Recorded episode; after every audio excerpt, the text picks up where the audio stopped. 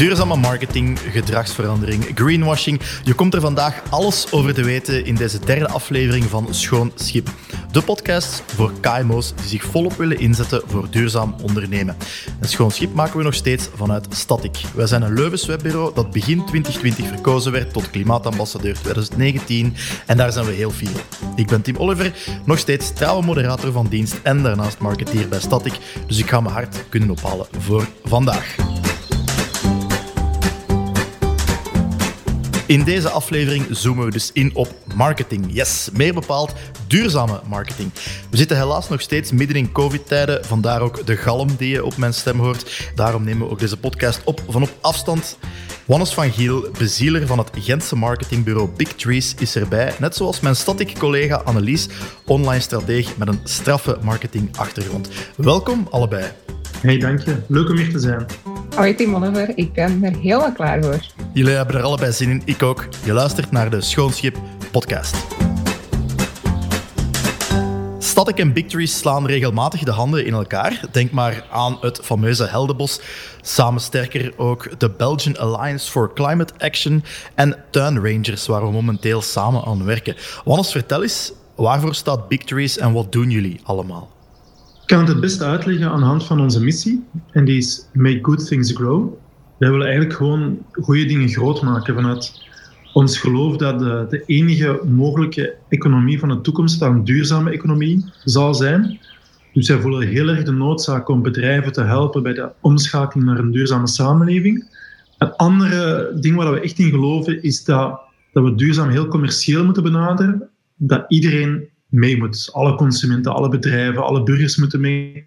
Dus er is eigenlijk geen plaats meer voor moral high ground. Iedereen moet mee op de trein, zal ik maar zeggen, naar een uh, duurzame toekomst. Dus echt de wereld verbeteren, als het ware. Ja, in een zwak moment zeg ik wel eens dat wij een impactbedrijf willen zijn. En ik weet niet of we daar altijd in slagen, maar het is wel onze missie. Heel veel reclamebureaus willen prijzen winnen, wij ook, maar liever Impact Awards dan een reclameprijs. Ja, je zegt impact maken, ik zeg wereldverbeteren. Ja, heeft er altijd al een wereldverbeteraar in jou gezeten? Ik was uh, de lelijke versie van Anuna de Wever. ik heb, uh, een, een, uh, ik, heb mijn jeugd gezeten bij JM, dat de Jeugdbond voor Natuurstudie en Milieubescherming. Ja, dat was wel een heel, mooi, heel mooie tijd. Dus, maar echt een combinatie van um, natuurstudie. Ik ben altijd echt gek van de natuur. En klimaatactie of, of milieuactie. Dus denk aan uh, jongeren die zich vastketen aan McDonald's of op de snelweg gaan zitten of betogen tegen kernproeven. Dat deed jij dan ook? Ja, achter de brede rug van, van moedige activisten die, die eerst werden opgepakt door de politie. Ik was iets, iets minder uh, moedig op dat vlak, maar ik was er wel altijd bij. Oké, dat, is, dat is eigenlijk wel uh, straf. Ja, dat brengt ons ja, niet naadloos bij, bij Annelies. Ik denk niet dat jij ooit uh, jezelf hebt vastgeketend aan een McDonald's of dergelijke? Nee, ik denk dat ik meer in de McDonald's heb gezeten dan dat ik uh, vast... nee, nee, nee, dat is absoluut niet waar. Maar, uh, ja, Wannes was, was, was op het randje van zijn koffie uit te spuwen daardoor, maar oké. Okay. Waarvoor dank. Nee, Annelies, um, ja, jij bent mijn directe collega bij Static. We zitten dagelijks zitten wij in meetings. Maar leg eens uit aan de luisteraars, wat bieden wij vanuit Static zowel aan op vlak van marketing? ja, buiten het feit dat wij echt een topteam zijn met allemaal leuke mensen, um, is het marketingteam uh, ook gegroeid vanuit een heel specifieke missie eigenlijk. Uh, we zijn een beetje gegroeid met Static als een soort van ja, webbureau, waar het eindpunt heel vaak was de lancering van het online platform of de website. En dan was het alsjeblieft aan de klant en die moest dan maar zien dat dat allemaal deed wat dat moest. Die moest er dan maar mee aan de slag. Um, maar je begint in zo'n traject altijd met heel duidelijke doelstellingen voorop te stellen. En eigenlijk is de doelstelling niet de lancering van het platform. De doelstelling is om dat merk of dat product of die dienst in de markt te zetten en zijn doelgroepen aan te spreken. Uh, en om die reden zijn we ook wel meer gaan inzetten op die groeiondersteuning, omdat we ook wel merken dat daar heel veel nood aan is nog van het verhaal voor de klant begint pas eens dat je live bent. En dan moet je eigenlijk nog massa's werk en energie gaan steken in ja, dat bij de doelgroep te brengen. Uh, dus dat begint eigenlijk, wat we dan allee, concreet doen, dat gaat vooral ook we beginnen met overal duidelijk te maken van ja, we hebben doelstellingen gesteld, je moet die nu ook echt gaan meten. Dus we gaan heel wat dingen instellen, aan de meetstructuur werken, resultaten gaan opvolgen via allerlei tools. En daarnaast gaan we kijken afhankelijk van de case wat het meest interessant is om nog te gaan op inzetten. Bij sommige klanten gaat dat heel zwaar in op content en content marketing, sociale media. Bij andere klanten gaat dat om online advertentiecampagnes, uh, CRM-systemen die geïntegreerd worden om die opvolging beter te doen verlopen. Um, dus allee, ik denk dat wij vooral kijken case per case, wat zijn de meest interessante marketing tools om in te zetten. Um, en dat wij zo toch proberen om op die groei in te zetten. Een duurzame groei natuurlijk. Uh, een duurzame groei, inderdaad. Ja, ja. Een ganse waslijst aan tools en, en manieren om zaken te meten. We weten er allebei alles van. Er valt duidelijk heel veel over te, te vertellen, ook in duurzaam kader. Dus we gaan even de diepte induiken. Wannes, jouw uitgangspunt vanuit Big Trees heeft alles te maken met duurzame gedragsverandering. Leg eens uit. Wel, we hebben eigenlijk twee, dus klopt helemaal. Daarnaast, eigenlijk willen wij um, mensen connecteren aan duurzaam gedrag. We doen dat via twee ingangen. Wat we vandaag veel doen, um, dat is werken voor overheden. En die komen heel vaak met een briefing naar ons om een sensibiliseringscampagne te doen. Gezonder leven, uh, duurzamer bouwen, minder vlees eten bijvoorbeeld. En ja, ons antwoord is altijd, kijk, je hebt eigenlijk geen sensibilisering nodig. Die sensibilisering die is er al in de maatschappij. Wat je nodig hebt, is een gedragsverandering. Je moet mensen helpen om hun gedrag in overeenstemming te brengen met hun, eigen, met hun eigen duurzame intenties die er eigenlijk al zijn. En voor bedrijven doen we min of meer hetzelfde.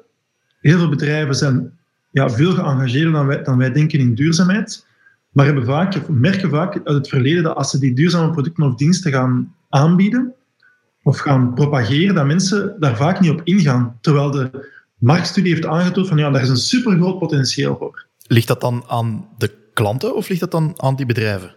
Het, dat ligt aan een uh, groot verschil tussen burgers en consumenten. Dus uh, burgers die zijn uh, heel bezorgd over de toekomst van, van, hun, van onze planeet en, en, voor hun eigen gezondheid. De studie die ik altijd aanhaal is de Eurobarometer, wat mij betreft toch de meest betrouwbare opiniepeiling in Europa is. En die opiniepeiling zegt dat 93% van de Europeanen klimaatverandering als het grootste probleem van deze tijd beschouwt. Dat is gigantisch. 70% van diezelfde burgers zeggen dat de klimaattoestand eigenlijk een noodtoestand is. Een noodtoestand dat impliceert grotere bevoegdheden van overheden die bepaald gedrag gaan opleggen aan burgers. Dus dat is nogal een heel straffe uitspraak. Nu, tegelijkertijd zie je als die burgers consumenten worden, dat die helemaal veranderen. De tweede snelst stijgende bron van CO2 in de wereld is een meerverkoop van SUV-auto's. Eh, ja. Dus diezelfde burgers die klimaat heel belangrijk vinden, gedragen zich als consument niet in lijn met hun eigen gedrag. Ja, komt dat omdat die van slechte wil zijn? Helemaal niet. Hè. Mensen willen eigenlijk het beste voor elkaar en voor zichzelf. Daar is redelijk veel onderzoek naar. Komt er gewoon omdat dat, dat mensen er niet in slagen om, om gevolg te geven aan hun eigen intentie. En de theorie daarover, de, de, de belangrijkste theoretische kader daarover, dat heet hyperbolic discounting. Eenvoudig gezegd betekent dat dat wij als consument altijd een voordeel, een zeker voordeel op korte termijn kiezen boven een onzeker nadeel op lange termijn. Eigenlijk zelfs boven een, een, een waarschijnlijk voordeel op lange termijn, maar dus zeker over een onzeker nadeel op andere termijn. Vandaag heb je de kans om een goedkoop vliegtuigticket te boeken naar Bali met de zekerheid dat je morgen in de zon ligt op het strand. Of overmorgen, het is een reis van 24 uur. Het onzekere nadeel op lange termijn is dat er misschien meer overstromingen komen binnen 30, binnen 30 jaar voor de mensen in Bangladesh. Dat is bijna een onmogelijke afweging voor een consument om, om te maken. Ja, in, de in, de, in de volksmond moeten we dan eigenlijk, om, om duurzaam te consumeren, gewoon zeggen, kijk, verder dan uw neus lang is. Wel, Tim Oliver, daar ga ik u in tegenspreken. wat wij net proberen te doen, is wij, wij zoeken we zijn ervan overtuigd dat duurzaamheidsvoordelen ook consumentenvoordelen opleveren. En dat het veel verstandiger is om die consumentenvoordelen op te zoeken, dan dat je gaat communiceren, dan dat je burgers gaat zeggen, ja, maar denk eens goed na over wat de gevolgen kunnen zijn. Dus de motivatie voor de planeet of voor mensen in het zuiden, dat is altijd maar een tertiaire aankoopmotivatie. De eerste aankoopmotivatie is een persoonlijke benefit. Maar die zit in duurzaamheid. Mensen fietsen naar het werk niet om het klimaat te redden, maar omdat ze dan zeker zijn van het uur van aankomst. Mensen fietsen niet naar het werk. Dus van de mensen die de intentie hebben om naar het werk te fietsen, zijn de grootste groep afhakers de mensen die er niet in slagen om hun fiets op de juiste plek te zetten in de garage. Eh, je stapt ochtends uit je woonkamer en, en je bent van plan om naar het werk te fietsen en je ziet dat je fiets achter de auto geparkeerd staat. Dan moet je dus eerst je auto buiten zetten, Dan je fiets buiten zetten, je auto terug binnen zitten en dan kun je beginnen fietsen. Dus je moet een campagne bouwen die mensen overtuigt om hun fiets van plaats te veranderen in de garage, in plaats van een campagne te bouwen over te zeggen waarom dat fietsen ijsberen op de Noordpool redt. Wat dan veel, een heel andere benadering is van duurzaamheid. Dus dat is wat wij proberen te doen. Oké. En om het dan opnieuw in de volksmond anders te zetten, dan moeten we de kat bij de melk zetten. Dat is misschien wel beter omschreven. Ja. Exact. Ah, wel, uh, dat is heel, heel goed uh, gezegd, Wannes. Ik denk, Annelies, ja, als statiker uh, is het stilaan wel verplicht om een, om een duurzame kijk te hebben op de dingen des levens. Zie jij dat ook zo, zoals Wannes het heeft gezegd? Ja, ik denk inderdaad dat duurzaamheid op zich geen driver is alleen of niet voldoende genoeg is om iets te gaan doen als, als individu. Dat is ook geen verkoopsargument als merk. Hè, dat je nu je kan zeggen, ja, wij zijn, wij zijn merk X en wij staan hiervoor en wij zijn duurzaam, punt. Ja, dat is geen verhaal. Hè. Daarmee overtuig je niemand om iets te doen. Uh, ook omdat we naar hopelijk, of dat is toch mijn ambitie of mijn droom, naar een samenleving gaan waarin duurzaam gewoon de normaalste zaak van de wereld is. En dat dat voor elke organisatie iets is dat daar intrinsiek in de cultuur zit uh, en in het product zit. Dus waarom zou je dat nog duurzaam als verkoopsargument gaan gebruiken? Um, denk een goed voorbeeld vanuit de statikstal. Um, daar is, is Omegawaars, wat een, een, duurzame kweekvis is uh, in Kruishouten. Um, visboer Stijn die kweekt daar vissen in een soort circulaire economie, waarbij de mest van de vissen ook gaat naar de tomatenplanten van zijn collega-boer. En dan kan je dat verhaal gaan uitspelen, en dat doen we ook, maar je overtuigt geen enkel gezin want uiteindelijk gaat het om een witte vis, die niet verschilt van kabeljauw of van andere standaardvis. Ja, je overtuigt niemand om 5 euro meer te betalen voor die andere witte vis dan voor de kabeljauw, met het feit van ja, maar de, de, de, de overbevissing en de visjes in binnenkort zijn, er, zijn er bepaalde soorten bestaan meer. Ja, maar ik moet vandaag eten op mijn, op mijn kinderen hun bord leggen. Um, dus we zijn daar heel bewust naast het duurzame verhaal gaan spelen op. Het is een lekkere vis. Het is een vis die heel combineerbaar is met heel wat recepten en andere ingrediënten. Kinderen vinden hem lekker. En hij is gezond. Hij zit niet vol met hormonen of met, met zaken vanuit de zee waar dat ook heel veel in gelood wordt. Dus het is een gezonde, lekkere vis voor jezelf en voor je kinderen die je in een half uur op tafel tovert tot iets lekkers. En daarom kopen mensen die omega-baars. En niet alleen omdat die duurzaam is. En ik denk dat dat het soort verhalen zijn dat je moet hebben uh, en dat het altijd een en-en verhaal is en niet alleen het is duurzaam. Het volstaat uiteraard niet om gewoon te zeggen de vis is duurzaam, maar dat je vis dan, om het zo te zeggen, op niks trekt. Er hangt natuurlijk ook altijd een prijskaartje aan vast en de kwaliteit moet volgen. Dus dat is zeker een van de zaken die... In het geval van dan eet, eetbare producten, dat, dat, dat, dat, het moet lekker zijn, een zaak is. En in heel wat andere producten is prijs ook gewoon een heel cruciale mhm. factor. Um, en ik denk dat daar Wannes ook wel wat van weet. We hebben samen het project Samen Sterker gedaan. Um, het gaat om duurzame groepsaankopen. Um, daarin ga je eigenlijk spelen op prijs om mensen een duurzame gedragsverandering te laten doen. Hè. Je kan in die groepsaankoop inschrijven voor groene stroom, dan krijg je korting erop. Maar al die gezinnen schakelen wel over op groene stroom. En de kans dat zij nadien nooit nog terugschakelen naar iets niet groen is wel heel groot. Um, dus daar kan je ook echt, die mensen kopen dan misschien die groene stroom in eerste instantie, oh, het is goedkoper voor mij dan een ander alternatief, maar ze doen het wel. En die stap is gezet. En eens dat die stap gezet is, ja, ik denk dat, dat die eerste stap is de moeilijkste. Dat is, dat is het begin van die fameuze gedragsverandering dat we willen tewerkstellen eigenlijk. Hè? Ja. Stel, ik ben een KMO en ik heb een product of een dienst waarmee dat ik de wereld beter wil maken. Hoe kan je als marketeer in, mijn bedrijf ervoor zorgen dat mensen bij mij komen kopen? Wannes?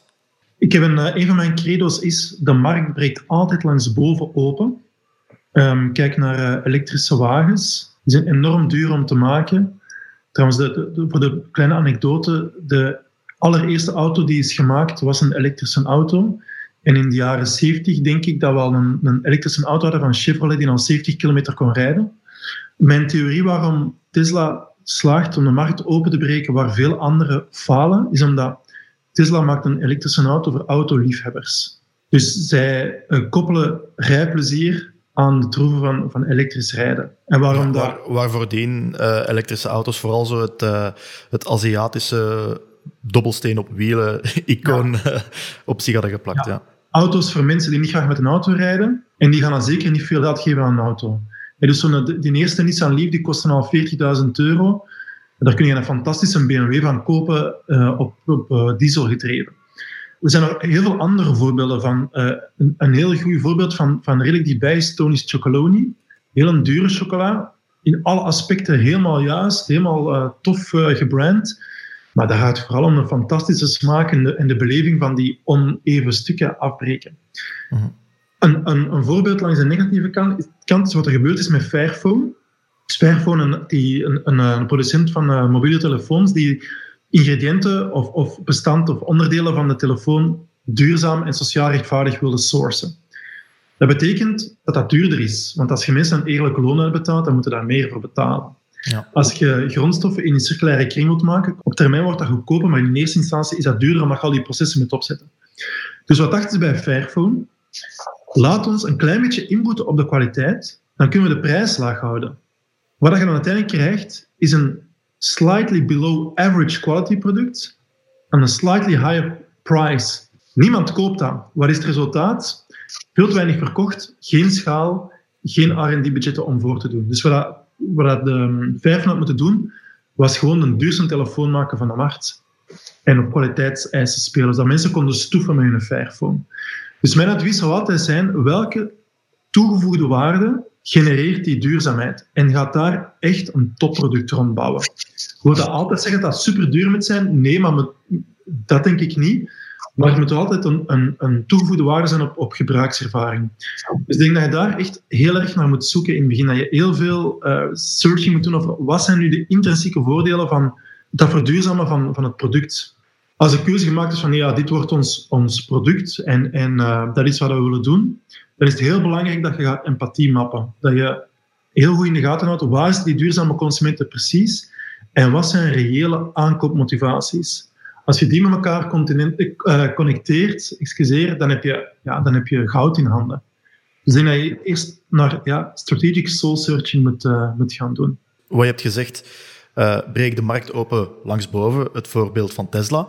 Is het dan niet een valkuil dat je een beetje elitair wordt? Want elektrisch rijden is, is up and coming, maar de elite rijdt er nog steeds mee rond. Het is nog steeds niet super toegankelijk. Is dat niet een valkuil dat je, dat je hebt, dat het te elitair is als we over duurzaamheid gaan, gaan spreken in zo'n geval? En vooral op marketingvlak dan? Ja, ik wil wel even zeggen dat de Tesla vorig jaar de meest verkochte auto in Nederland was. Tesla Model 3. Maar wij hebben geen Nederlands loon. um, nee, nee. Maar, je dat, vandaag... maar dat, dat klopt, hè. Um, ja, ja. Nu, het, het, het, zijn twee dingen. Eén, het is een efficiëntievraag of een effectiviteitsvraag. Wat je vandaag bijvoorbeeld ziet, is dat de, um, Tesla de markt opengebroken heeft en dan nu commodity brands zoals uh, Volkswagen met die ID3 komen. Ik ben ervan overtuigd dat dat veel langer had geduurd dan dat ze dat van onderuit hadden gedaan. Want dan die imperfecte elektrische auto's waarvan uw belangrijkste advocaats of uw brand ambassadors zouden zeggen van eigenlijk dat niet zo'n goede auto. Ja, op dat vlak hebben ze, hebben ze echt wel gezorgd voor een disturbance op de markt. Hè. Dus inderdaad, allez, op dat vlak, het top-down verhaal, ze zijn begonnen met die, met die kleinere sportwagen, dat is intussen al bijna tien jaar geleden. Momenteel zitten ze wel zeer dicht bij de middenklasse aan. Ik zou graag een, een autopodcast misschien starten ooit, maar uh, het gaat nog steeds over, over marketing, uit, uiteraard. Dus misschien ga ik even terug... Wel, het tweede wat ik wil beantwoorden is op dat elitaire het is niet gezegd van top naar beneden, dat dat moet gaan over prijs. Een voorbeeld is duurzaam beleggen. Is ook een, daar is duurzaam, duurzaam beleggen is ook een top-down product geworden, namelijk duurzame beleggingsportfolio heeft het hoogste, de hoogste vertrouwensratio. Is, het meest vertrouwen, is de meest vertrouwenswaardige belegging die je kunt doen. Dus daar in je, in uw piramide, van top-down, bij beleggen is vertrouwen het allerbelangrijkste. Dus daar, dat is de topwaarde die je, die je bedient met je duurzaam beleggen. Bijvoorbeeld tijdens de, tijdens de crisis zijn de duurzame beleggingsfondsen hebben het allerbest de crisis doorstaan en vandaag de beste rendementen. Eh, van de markt breekt boven open wil niet altijd zeggen langs boven in prijs. Dat, wil ook, dat kan ook zeggen langs boven in gebruikservaring. Dat kan ook zeggen langs boven in een intrinsieke behoefte zoals vertrouwen scheppen. Of um, in, in duurzaam bouwen een intrinsieke behoefte gezond wonen. Ja, oké, dat is interessant om, om wel te onthouden. Dus, want we zijn nog steeds aan het praten van ik ben een KMO uh, en ik wil het op die manier, op, op die manier gaan doen. Annelies, ik kom even tot uh, bij u. Ik ben KMO. Ehm, naast wat Wannes heeft verteld, kan jij dat bevestigen of zijn er nog zaken aan toe te voegen? Ja, ik denk dat dat, dat aansluit bij de trend die er al jaren is in communicatie marketing is user-centric denken. Je moet je klant centraal stellen en kijken naar de behoeften en de noden en de verwachtingen die die heeft. En we zitten ook wel echt in een maatschappij waarin duurzaamheid gewoon stilaan een basisverwachting wordt van mensen. Ehm, dus ik denk dat dat, ik sluit me daar helemaal bij aan bij wat hij zegt, van, dat je daarop uh, moet gaan werken. Um, ik denk dat je ook wat concretere tips of, of inzichten vroeg. Dus als ik dan even op het online verhaal mag gaan ja. in, ik denk dat daar ook wel een van misschien mijn stokpaardjes naast het hele maak het meetbaar en zorg dat je de resultaten opvolgt. Het kan allemaal online. Het is nog nooit zo makkelijk geweest om te zien wat een bepaalde actie of wat een bepaalde pagina oplevert vandaag op je website of hoe je je verhaal uh, kan ja, optimaliseren op basis van zaken die je doet. Denk ik dat een andere zaak is ja, inspelen op segmenteren en targeten.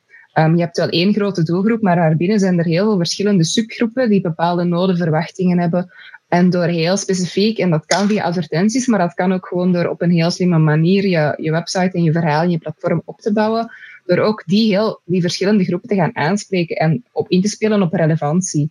Als ik soms vertel dat ik vanuit de marketing kom en dat ik, ik heb ook even in de reclame gewerkt en zo. Mensen vinden dat een vies woord, hè, reclame en marketing. Mm, uh, ja. Maar ik kan het ook echt wel inzetten voor het positieve door het heel relevant en persoonlijk te gaan maken, gaan mensen dat ook niet meer ervaren als, als marketing, maar als een soort aanbod waarmee je naar hun toe komt, dat toegespitst is op waar zij net nood aan hebben. En als je die relevantie kan brengen, dan kom je als merk zo dichtbij die persoon, dat je eigenlijk een zeer goede indruk maakt en dat je sowieso heel dicht. Dus, dus ik denk dat, zeker voor KMO's, is het niet altijd gemakkelijk. Ik denk dat je doelgroep aanpak er moet zijn, je segmentering er moet zijn en dat je dan per segment acties daar moet gaan aan koppelen. En voor het ene segment ga je misschien heel hard moeten gaan online op, op Instagram gaan adverteren. En bij het andere segment ga je misschien toch nog mensen, bij wijze van spreken, deur aan deur uh, sales moeten laten doen. Of mensen gaan overtuigen uh, om ze zo binnen te brengen.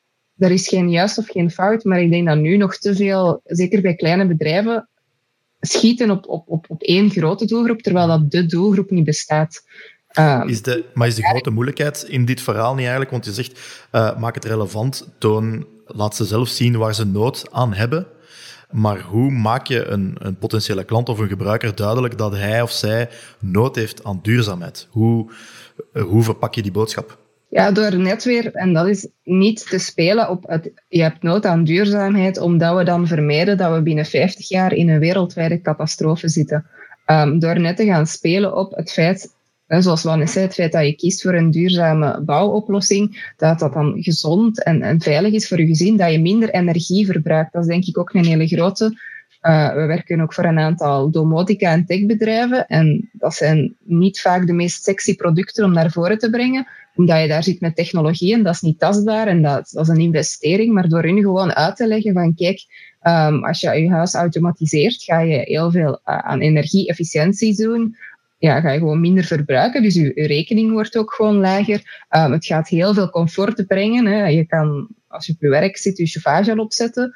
Um, dus bij wijze van spreken kom je thuis in een lekker warm huis en je kinderen komen thuis in een lekker warm huis. Je kunt je oven al opzetten van op afstand. Dus je weet, is al bijna klaar in zo'n uh, de slow cooker. Ik ben niet echt een mhm, mhm. keukenprinses, maar ik heb gehoord dat dat iets heel goed is, een slow cooker. Um, Fantastisch, ja. Absoluut. Daarop te gaan inspelen ga je mensen overtuigen. Eigenlijk moet je mensen bereiken op het moment dat ze nog niet beseffen dat ze een probleem of een nood hebben, door de oplossing op zo'n manier te presenteren dat je eigenlijk gewoon, ja, dat wil ik, want dit gaat mij echt veel opleveren. En dan moet je het niet hebben over, over wat je product, product juist is qua specs en zo. Niemand is geïnteresseerd in een speclijst van, ja, die een telefoon dit. Nee, wat gaat die een telefoon mij nu opleveren of wat gaat dat product mij nu opleveren? Ik vind dat een heel goed voor, voorbeeld. Uh, luisteraars die, die een goede checklist willen, spoelt het voorbije kwartier gewoon terug. Zowel Bigtrees als Static werken voor bedrijven die duurzame impact willen maken. Dat hebben we net uh, uit die case kunnen, allez, gemakkelijk kunnen opmaken. Maar wat, wat als andere bedrijven die mijlen ver staan van zo'n filosofie of die er nog niet aan hebben gedacht, wat als die ook claimen groen te zijn? Dan hebben we het eigenlijk over greenwashing. Het, het fameuze buzzword is weer daar. Maken jullie je ook druk over greenwashing, Annelies? Ik maak me daar eigenlijk niet echt meer druk in. Um, greenwashing bestaat nog altijd, denk ik. En ik denk dat we daar niet naïef in moeten zijn. Dat ieder bedrijf dat claimt groen te zijn, dat ook effectief is. En groen is maar één kant van hele duurzaamheidsverhalen. Um, maar daar gaat het hier wel om. Maar waar ik een beetje het moeilijk mee heb, is dat bedrijven soms gewoon al op voorhand niet duurzaam of slecht worden genoemd, gewoon op basis van hun core business. McDonald's is slecht, want die maken fastfood. Een, een suikerfabrikant is ook slecht. Een oliebedrijf is sowieso echt, oh, daar, dat, daar komen we niet aan. Dat dat is verschrikkelijk. Maar als die bedrijven, en ik zeg niet dat ze dat allemaal doen, maar als die bedrijven toch bepaalde stappen zetten om wel bepaalde zaken toch op een duurzame manier aan te pakken. Al is het maar hoe ze met werknemers omgaan. Uh, misschien uh, storten ze een deel, allez, storten ze geld voor goede doelen of voor, voor, bomen te gaan planten in het regenwoud en doen ze dat echt vanuit een overtuiging. Ja, dan zijn dat wel stappen die ze doen. En maakt dat dan alles goed van hun slechte core business? Misschien niet. Maar dat wil niet zeggen dat je, dat je geen stappen kan zetten in duurzaamheid omdat je product misschien minder leent tot duurzaamheid. Uh, ik denk dat wij daar het beste voorbeeld van zijn. In, in de saaie, droge IT wordt niet altijd gezien als de hippe, een diepe duurzame sector, maar wij zetten wel elke dag stappen. Uh, wij zijn begonnen met dat gewoon te doen in hoe wij omgaan met elkaar en met onze medewerkers. En we zijn nu pas echt stappen aan het zetten om dat nog harder naar buiten te draaien en om ook effectief um, te investeren in duurzame projecten. Maar elk bedrijf kan een duurzame stap zetten. En ik vind elke stap op klein ook belangrijk. En dat geldt ook voor consumenten. Eet één dag geen vlees in de week. Um, in plaats van te gaan zagen op een vegetariër dat hij ook met, de, met het vliegtuig reist. Daar kan ik het echt heel moeilijk mee hebben dat je zo'n commentaar krijgt omdat je het ene wel doet en het andere niet, want dan ben je hypocriet. Maar dat is dat is echt zeven in pakjes. Elke stap die je zet als, als individu is een stap in de goede richting. En ik denk dat we veel meer positief mensen moeten aanspreken op hun gedrag dan altijd maar met de vinger te wijzen omdat ze iets nog wel niet duurzaam doen. Je eet één dag geen vlees. Ik denk meteen aan uh, donderdag veggie-dag van Big Trees. Ja, ik voel me dus heel erg aangesproken. Dank je wel. Om even wat zelfpromo te maken, Donald Vegedag is, is de meest effectieve vleesverminderingscampagne die ooit is gebouwd. Hè. Dat is uh, onderzoek wijst dat uit. Ik maak me ook niet zoveel zorgen om greenwashing. Als, als we daarnet zeiden van duurzaamheid as such is geen primaire aankoopmotivatie, dan wens ik bedrijven die zichzelf een duurzaam jasje aan, aanmeten veel succes. Anderzijds wil ik toch wijzen op twee gevaren. Wat de consument betreft wil ik toch wijzen op het gevaar van het rebound-effect. Dus ik zou nooit donderdag Vegedag verkopen als een aflaat om dan, om dan andere dingen te gaan doen. Het is zelfs zo dat, dat links-progressieve, zich bewust van milieuproblematieke mensen, dat die meer vervuilen dan vaak, heel vaak meer vervuilen dan rechtsconservatieve mensen die het milieu onbelangrijk vinden. En hoe komt dat? Die links-progressieven die hebben een iets hogere welstand. En um, die kunnen zich voor zichzelf ook heel goed uitleggen waarom dat ze bepaald gedrag wel of niet mogen stellen. En voilà, als ik even chargeer aan Lies, dan denk ik, ah, maar ik eet al heel, de, heel, heel het jaar geen vlees. Ik heb mijn uitstoot naar, van mijn vliegticket naar New York wel gecompenseerd nu. Ja, zo komen we eerlijk gezegd ook wel niet vooruit. Dat, dat, dat, dat, dat zorgt voor inertie. Wat dat betreft grote bedrijven die greenwashen, soms vind ik mij daar nog, daar nog wel in op, omdat natuurlijk bepaalde bedrijven er belang bij hebben om hun eigen regime in stand te houden. Een oliebedrijf zoals, zoals Total bijvoorbeeld, die zitten heel erg in op energietransformatie. Dus dan denk ik, oké, ja, als die hun inkomsten uit olie gebruiken om, de zo snel mogelijk te transformeren, why not? Anderzijds, als je, en dan heb ik het bijvoorbeeld over een bedrijf zoals Shell, die zich eigenlijk in de jaren 80 al bewust waren, die zelf toen een video hebben uitgebracht over de gevaren van klimaatopwarming. Als ik zie hoe dat zij, sorry dat ik het zeg, maar idioot mitigerende maatregelen nemen om gewoon te kunnen blijven boren, dat vind ik wel echt een probleem omdat zo'n producten, die zijn zo van dat, nog zo commodity, dat eigenlijk weinig marketing, communicatie behoeven, maar die gebruiken gewoon minimale inspanningen, ook in investeringsbudget, om een eigenlijke doelstelling, namelijk zo, zo snel mogelijk, zoveel mogelijk nog ophoren, te blijven hanteren. Trouwens, heel interessant, er is de, de, de Nederlandse advocaat die de rechtszaak tegen de Nederlandse overheid heeft gehouden, die, houdt nu een, ehm, die is nu rechtszaak opgestart tegen Shell, vanuit de wetenschap dat Shell op haar eentje verantwoordelijk is voor tussen de 2 en de 5 procent van de wereldwijde CO2-uitstoot. Dat, is gigantisch, hè? Dat, zijn, dat, is echt gigantisch. Dus, uh, dus uh, voor mij zijn bedrijven die zich willen greenwashen zijn zeer welkom bij ons. Wij zullen ze wel helpen om hen te transformeren. Ga je dan kiezen voor bedrijven met een gelijke mindset? Of ga je toch voor meer impact te maken bij multinationals, zoals je zelf hebt aangegeven, die, die, die daar eerst jarenlang niet mee bezig zijn en dan plotseling wel? Ik vind het tweede echt gloeiend interessant. We hebben, al een paar keer over McDonald's gepraat. Dat is uh, zeer verstorend voor mijn wereldbeeld, maar vandaag is McDonald's de grootste verspreider van uh, plantaardige eiwitten.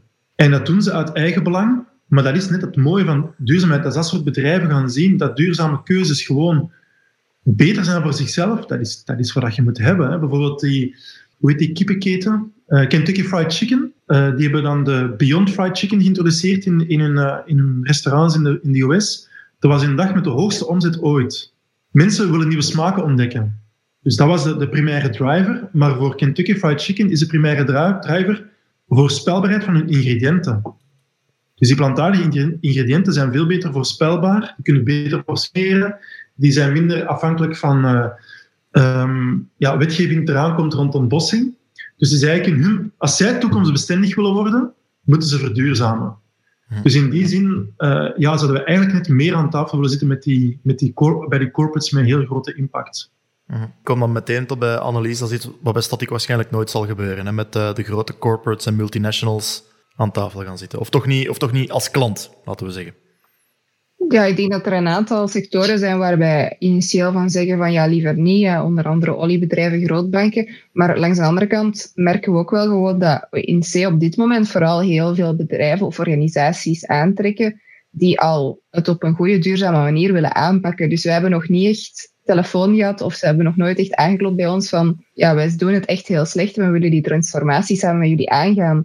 Ik denk dat dat interessant is om ook dat verhaal eens te horen en dat we dan zeker met die mensen aan tafel gaan zitten om te kijken of we er überhaupt denken dat we daaraan kunnen meehelpen om die transformatie te doen.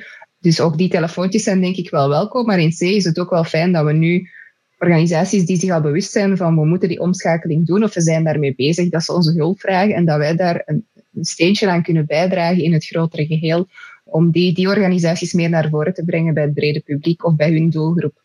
Zijn er ook organisaties waarvan we bij Static zeggen, daar willen we absoluut niet mee samenwerken? Dat is een vraag die soms wel terugkomt in de podcast, maar in deze optiek, multinationals. Ja, ik ben een, een, mensenmens, dus voor mij is de menselijke kant ook heel belangrijk. Ik ken organisaties die een bangelijk goed positief product hebben, maar die echt gelijk shit omgaan met uw medewerkers, om het nu, of om op een heel slechte manier te zeggen. Ja, dat voelt ook heel vies dan om voor zo'n mensen te werken. Hoe goed dat dat project ook is, als, als de menselijke kant er niet is, dan, dan hoeft het, allee, dat is nu misschien heel persoonlijk, dan hoeft het voor mij niet meer, maar ik denk dat ik wel mag zeggen dat het dan voor Static in het algemeen, dat dat wel een afknapper is. En dat heb je soms pas door als je er al mee bezig bent.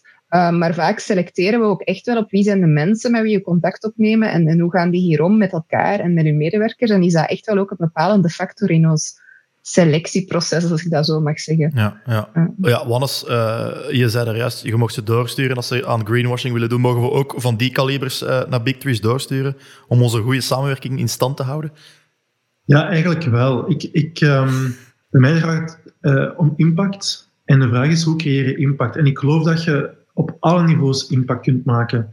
Ik vind dat de, de rol van de NGO's wordt nog altijd onderschat. Hun activisme zorgt voor uh, verstrengde wetgeving. Die verstrengde wetgeving zorgt voor andere lange termijn plannen bij, uh, bij CEO's. Dus ik denk dat we, ik, ik vind dat de, de, rol van NGO's heel belangrijk is. Ik vind ook de rol van kleine KMO's en innovators super belangrijk is. Ook al um, hebben ze weinig klanten en zitten ze op die moral high ground, zij tonen aan dat het mogelijk is en inspireren sectoren. Dus die wil je ook versterken. Maar die corporates, en daar hebben wij minder ervaring mee, we hebben, hebben niet veel corporates als klant gehad al, maar die corporates hebben ook mogelijk gigantisch veel positieve impact. Het is vooral de, uw eigen manier naar, van kijken die maakt of dat je dat zinvol vindt of niet. Een van onze klanten is de Statiegeldalliantie die ijveren dus voor een statiegeldsysteem. Die zijn per definitie eigenlijk tegen de blauwe zak en zeker tegen het systeem van, van one-time use plastics. Ja, uh, we willen meer waarschijnlijk naar het systeem uh, in Duitsland uh, toewerken, waar zelfs op de meeste plastieke flessen ja. statiegeld of meer veek, eigenlijk ze daar zeggen, staat. Ja. Ik vind een van uw grootste tegenstanders wel het bedrijf Coca-Cola, het meest gevonden zwerfvuil in Vlaanderen. Oké, dus natuurlijk zouden zeggen, ik, ga, ik wil werken voor een klant zoals Robinetto, een heel cool eh, bedrijf, waar we ook, eh, die we graag als klant zouden hebben, die dat ervoor zorgt dat de, uw water binnenkomt thuis die daar je siroop mengt en die eigenlijk frisdrank ter plaatse maakt. Dus eigenlijk de verpakking uitschakelt. Fantastisch, daar willen we voor werken. Maar je wilt ook voor Coca-Cola werken. Als die erin slagen om 2% jaarlijks van hun verpakkingsafval te veranderen door duurzaam afval of door um, plant-based products of door een ander distributiesysteem, dan heb je gewoon nog veel meer impact. En je gaat altijd zien, wat we nu zien bij, bij eiwittransitie, op een gegeven moment komen die drie factoren gewoon samen. Kijk naar meat moderation, naar de enerzijds, de eerst de NGO's die daar advocate voor waren. Dan hadden daar uh, producten die daar op een heel technisch niveau, technisch niveau over begonnen te innoveren. En dan krijg je de derde, spelers zoals Unilever en Nestlé, die zien dat die markt groeit, die die merken overnemen en die ineens veel groter maken. Dus ze hebben allemaal een rol te spelen, denk ik, in transformatie naar een duurzame toekomst. Dus in absolute cijfers gaat het veel meer doorwegen in het positieve. Dat is goed. Zoals ik heb gezegd, we hebben een samenwerking, we hebben een beetje een partnership, eh, Static en Big Trees. Uh, dat is ook een van de laatste topics die ik met jullie wil, wil bespreken. Die lijken mij onmisbaar als je de wereld wilt verbeteren. Is dat ook zo, Annelies? Ja, ik denk dat alles gebeurt in een ecosysteem. Geen enkele organisatie is op zichzelf staand, um, zoals dat, dat met mensen ook zo is. Um, en dan denk ik dat partners um, dat die gewoon nodig zijn uh, om met de, met de juiste mensen aan tafel te zitten bij elk project. Als je echt impact wilt maken, moet je de juiste mensen rond die tafel uh, ja, zeg dat, verzamelen. En dat, als je dat alleen binnen je organisatie doet, dan gaat je sowieso een veel nauwere blik hebben dan als je meerdere organisaties met elk hun eigen blik en hun eigen standpunt samenbrengt. Dus ik vind dat eigenlijk heel interessant en de, ik vind dat zelf ook de interessante projecten waar dat net al die expertises uh, samenkomen en dan zijn de, de je ziet dat ook aan het resultaat dat er dan uiteindelijk uitkomt. Dat is altijd nog een pak beter. Dat is toch altijd tijdens de evaluatie dat wij zeggen, als wij dit alleen hadden gedaan, dan hadden we ook wel iets gedaan, maar dan was onze impact op een veel kleinere schaal geweest. En nu hebben we dat echt uitgedragen. Um, en dat vind ik eigenlijk zelf het neigst om aan, aan mee te werken. Ja, Wij, nemen ook deel aan heel veel van die, eh, van die ecosystemen en van die organisaties. Ik denk vooral Leuven 2030. Uh, Katrien Rijken zat hier in de eerste aflevering van, van Schoon Schip. Uh, maar dan hebben we nog ja, The Shift, om het bij naam te noemen, Leuven, Leuven Mindgate ook. Uh, Wannes, zijn er in, in, de, in de Gentse regio ook soortgelijke organisaties waar, jij, waar jullie bewust deel van uitmaken? Of, of zijn er komende? Ik kwam eerst even aansluiten bij wat Annelies zei. Ik weet niet meer wat ons eerste project samen was, maar ik had van het eerste contact het gevoel van oké, hier is een gedeeld engagement, een gedeelde voortdrijvende motivatie. Dat is superbelangrijk. En anderzijds complementariteit. Dus ik, ik voelde meteen heel veel dingen die wij niet konden beantwoorden, die onmiddellijk beantwoord worden door, door jullie team. Ja, dat is wel echt de match die, dat je, die dat je zoekt. Dus dat is fantastisch. Ik geloof ook enorm in aanvullende expertise. Ik geloof nooit dat wij goede websites zullen maken. Ik geloof nooit dat wij goede digitale marketingcampagnes zullen doen in de, in de uitrol. Die wij wel inzichten kunnen bieden in welke consumenten dat je moet, op welke manier moet aanspreken. En uh, wat het netwerkgegeven betreft, ja, ik denk dat we elkaar kennen van bij de Shift, ondertussen ook van bij, van bij Bakka. En dan ja, ja. daarnaast geloof ik dat er een aantal netwerken gewoon spontaan ontstaan. Zoals rond het Heldenbos. En dat vaak dat we die spontaniteit ook wel een kans moeten geven ik zie toch veel netwerken ook die, waar wij gevraagd worden, waar ik het gevoel van heb dat het een soort geforceerd gegeven is. En dat werkt dan minder voor mij persoonlijk, maar voor sommige anderen werkt dat dan weer heel goed. Um, je hebt bij ons in, in, het Gentse en in West-Vlaanderen heb je zo het, de CEO's for Climate, maar die, die, uh, ja, waar wij ongeveer elke week voor gevraagd worden, die een warm hart toedraag, maar waar ik toch van, zoiets heb van, het is gelijk een, iets waar eerst een structuur voor is opgezet en dan partners voor gezorgd worden. En hier ontbreekt het eigenlijk aan de spontane gedachte van eh, samen zijn we sterker. Het Heldenbos was uh, het eerste project waar we echt uh, samen hard aan hebben gewerkt. Iets leuk wat, wat, wat ik nog met jou wou delen daarover, want ik weet niet of dat, jou bereikt heeft. Een collega, intussen ex-collega van ons, we missen je enorm hard, haalt zijn, zijn, zijn vruchten en groenten op een plukboerderij. En op die plukboerderij hadden ze het kaartje van een, een boom die aan hen geschonken was afgeprint en opgehangen aan de muur. Dus dat is ook een manier van impact. Hè. Dus echt zo die, die emotionele impact die, daar, eh, die daarin terugkomt. Dus ja, dat geeft ook wel heel veel voldoening uiteraard. Hè. En als dat dan uit de samenwerking kan komen, uit twee, twee KMO's, zeg maar, die, die dezelfde insteek hebben, ja, supergoed. Ik hoop dat dat in de toekomst toch meer en meer kan, kan gebeuren. Het is eigenlijk mooi dat we aan, aan zo'n samenwerkingen kunnen, kunnen blijven werken, ook voor de toekomst. En ja, de toekomst dat brengt ons ook stilletjes aan naar het einde van deze podcast toe. Als jullie vrij mochten kiezen, uh, wat zou in de toekomst iets, iets zijn dat jullie willen laten groeien op duurzaam vlak, dankzij een straffe communicatie- of marketingcampagne? Goh, ik vind dat wel moeilijk, omdat ik zo niet meteen kan zeggen, ik wil voor die of die klant werken, omdat ik, ja, dat, opnieuw dat menselijke is voor mij belangrijk en ik wil eerst het verhaal horen en ik zal niemand op voorhand zeggen van nee, daar wil ik niet voor werken. Um, dus iedereen is welkom om eens te praten over, over duurzame groei en duurzame marketing, denk ik. Als ik dan echt, en dat is misschien het dromerige vanuit, jij bent ook veel bezig met externe communicatie van Static, ja, mijn ambitie is zo'n beetje van met Static kunnen aantonen dat positieve impact of duurzaamheid, dat je dat zeker kan doen op een niet geitenwolig stokken manier. Um, en ik zou het heel vet vinden als dat ik, wat ook gewoon een KMO is, als inspiratiecase kan dienen voor KMO's in het Leuvense en ver daarbuiten tot in Gent. Maar wat mij betreft tot in Amerika, tot in Australië, tot in Canada, het maakt niet uit. Um, en ja, dat we een beetje als case kunnen dienen van je kan het op, ook op die manier aanpakken, je kan het anders aanpakken en anders um, kan ook rendabel zijn en kan ook interessant zijn en zorgt voor werkgeluk, uh, zorgt voor uh, klantentevredenheid. Uh, en impact maak je vooral door heel veel kleine dingetjes samen te brengen tot één mooi geheel. En ik denk dat het heel fijn zou zijn als, als ze misschien binnen een paar jaar echt wel zeggen van ja, weten die mannen van Statiek, die zijn er die hebben mij toen overtuigd om die stap te zetten en ik, en ik zou niet meer terugvelen. Als je die reacties zou kunnen krijgen van klanten of partners over een aantal jaren en ik denk dat we daar naartoe zijn aan het werken, dan zou ik een heel gelukkig mens zijn. Ja, dat Nog gelukkiger dan ik al ben. En nog gelukkiger dan je nu al bent. Ja, het klopt hè, dat, we, dat we wel op, op die weg zitten met Static. We zijn op dat vlak ook een beetje een pionier, zeker al ja, in de regio. Wie weet hoe het daarbuiten eigenlijk zit. Ik zie het ook wel goed, goed komen, opnieuw als pionier. Jammer dat we in 2020 nog steeds als pionier moeten worden benoemd. Maar we werken eraan. Wannes, heb jij een idee? Ja, misschien even kaderen dat um, de reclamesector best wel onder druk staat door het coronajaar. En ik vind dat, we kunnen dat jammer vinden, want dat heeft ons ook wel omzet gekost. Maar eigenlijk is dat ook een, een, een goed ding, omdat je dan nadenkt over je eigen relevantie. We make good things grow betekent dat gewoon campagne maken voor wat dat goed is. Ik denk het niet. Ik denk dat we make good things grow is zorgen dat je de drijvende kracht bent binnen bedrijven om te laten inzien dat ze niet per se negatieve impact moeten mitigeren, wat heel veel, en zeker grote bedrijven vandaag, al op een heel goede manier doen. Zie de uh, Belgian Alliance for Climate Action. Hè. Maar dat je dat eigenlijk kan transformeren naar een positief... Dat je eigenlijk elk bedrijf kan transformeren naar een positieve impact company met de kracht van duurzaamheid. En dat zal absoluut mijn wens zijn voor volgend jaar, dat we die... Um, dat bedrijven enerzijds op die manier beginnen nadenken.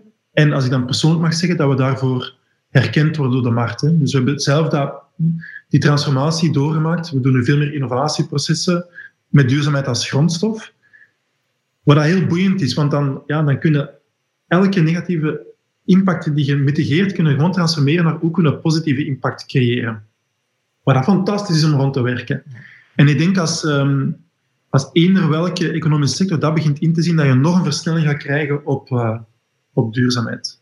Dus dat is mijn wens voor 2021 om het kort uh, samen te vatten, aan het begin staan, of mee aan het begin staan van dat sneeuwbaleffect, dat er hoe dan ook wel gaat uh, komen. Hè, want dat moeten we wel onder ogen zien. Oké, super.